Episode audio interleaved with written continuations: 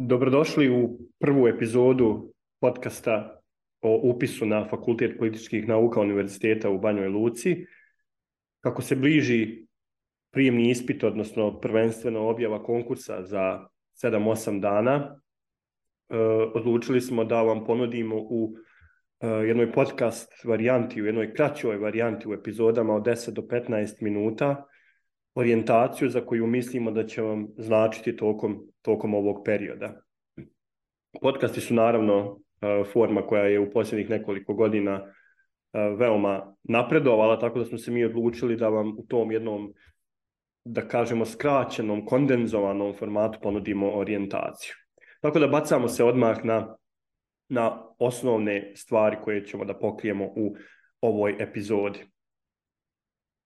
U ovoj epizodi ćemo govoriti o nekoliko najvažnijih stvari na koje morate da obratite pažnju ukoliko želite da upišete određeni studijski program na Fakultetu političkih nauka.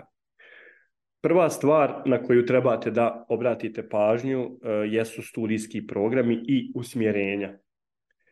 Dakle, Fakultet političkih nauka Univerziteta u Banjoj Luci je podorganizaciona jedinica. Ona se sastoji od četiri studijska programa i sedam usmjerenja. Prvi studijski program jeste studijski program političkih nauka. Tu se na četvrtoj godini biraju dva usmjerenja, a to su jeli, međunarodni odnosi i javna administracija. Drugi studijski program je socijalni rad. Tu nema usmjerenja, tako da je to jedinstveni studijski program. Treći studijski program jeste primijenjena sociologija. Tu postoje također dva usmjerenja koja se biraju na trećoj godini studija, a to su društvena analitika i organizacija rad i ljudski resursi. I četvrti studijski program jeste studijski program novinarstva i komunikologije gdje se na trećoj godini studenti opredjeljuju između multimedijalnog novinarstva i odnosa s javnošću. Dakle, čisto da ne bude zabune, student kada se prijavljuje, prijavljuje se na jedan od ova četiri studijska programa. Usmjerenja se biraju poslije na onima u kojima je to moguće. Tako da student ne mora odmah da zna koje usmjerenje će da izabere. Tako da najbolje naš savjet je da sačekate, da pustite uh, godinu dvije uh, tog integralnog studijskog programa da biste se u praktičnom smislu uvjerili šta je vama važnije, odnosno šta vama više odgovara. Tako da se ne umarate trenutno e, razmišljanjima o smjerenju. Naravno, ukoliko znate šta ćete, to je naravno mnogo bolje i e, nije problem, ali čisto da ne bude zabune, dobijamo mnogo pitanja ovaj, vezano za to. Dakle, kada se prijavljujete za polaganje prijemnog ispita, pa poslije i za uh, upis na fakultet, ne birate usmjerenje birate dakle studijski program. Dakle, između političkih nauka, socijalnog rada, novinarstva i komunikologije i primijenjene sociologije.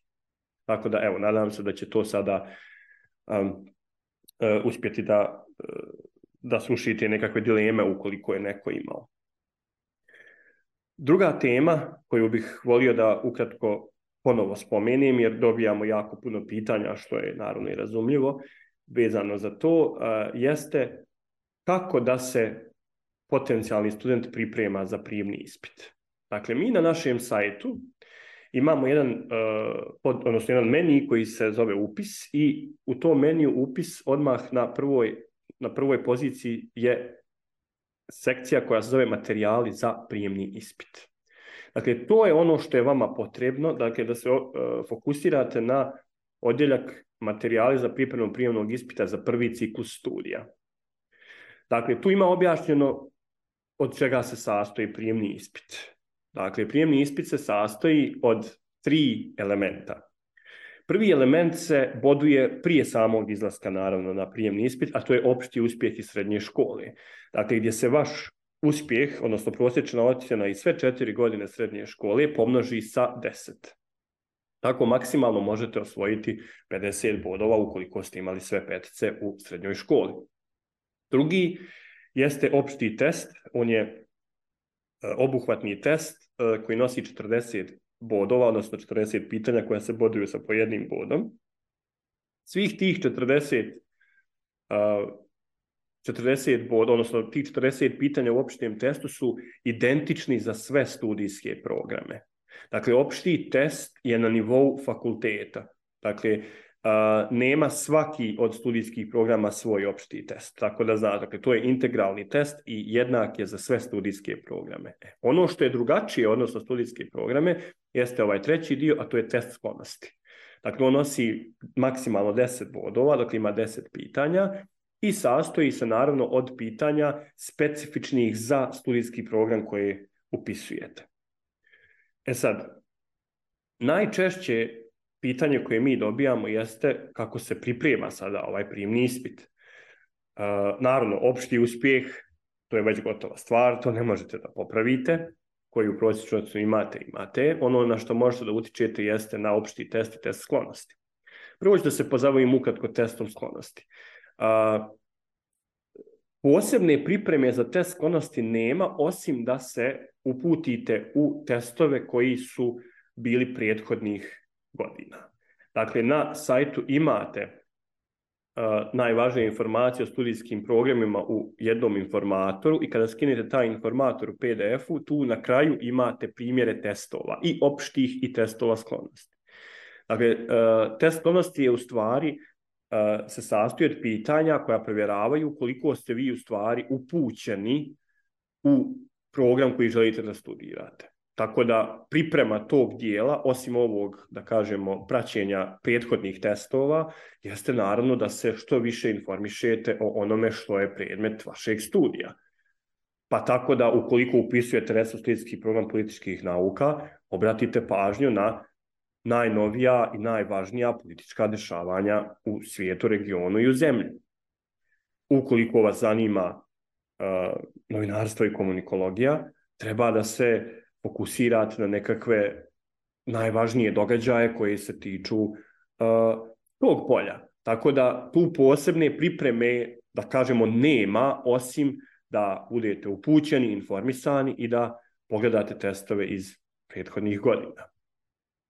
Što se tiče opšteg testa, vi također u tom PDF-u možete da nađete uh, informacije o literaturi. Dakle, tu imate desetak, 12 knjiga iz kojih se uh, priprema prijemni ispit. Međutim, pošto uh, je to obimna literatura, mi smo za vas pripremili, odnosno snimili pripremnu nastavu iz onih oblasti iz kojih je, iz kojih je to moguće. E sad, šta, na šta se to odnosi? Dakle, vi ćete vidjeti da imate pripremnu nastavu iz sociologije, istorije, i srpskog jezika i književnosti. Dakle, kompletan prijemni ispit, odnosno opšti test će se sastojati iz pitanja koja su pokrivena tom pripremnom nastavom. Tako da vi znate na šta da obratite pažnju unutar ovih video lekcija i unutar literature koja vam je tamo navedena. E, ono što ovdje nije pokriveno pripremnom nastavom jeste naravno opšta kultura i opšta informisanost. Također ćete naći u ovom informatoru, imate primjere testova iz prethodnih godina i imate na kraju, možete pristupiti uh, dva testa koja smo vam pripremili u Google formama. Tako da možete da ih vježbate. Tako da uh, sva pitanja su na zaokruživanje, dakle takozvani objektivni testovi, nema dopunjavanja, nema pisanja, tako da možete da vježbate i dok ne budete imali naravno maksimalan broj poena. Također na ovoj stranici imate dodatne materijale pripremne nastave, to su dakle prezentacije i eventualno određeni uh, Word dokumenti koji pokrivaju teme na malo ovaj precizniji, odnosno dublji način nego što je to u video lekcijama.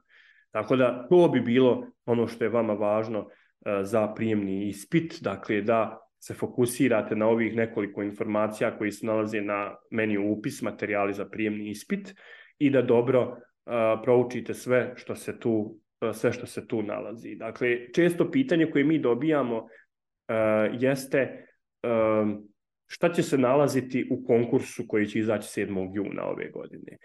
Dakle, u konkursu će se nalaziti precizne informacije za svaki fakultet na univerzitetima u smislu datuma, u smislu dokumentacije koja vam je potrebna, u smislu broja studenta koji se primaju na određene studijske programe. Tako da zbog toga je važno pratiti biti u toku da znate tačno podatke o tome o dokumentaciji i drugim stvarima. I za kraj ove prve epizode, još ću jednom da ponovim,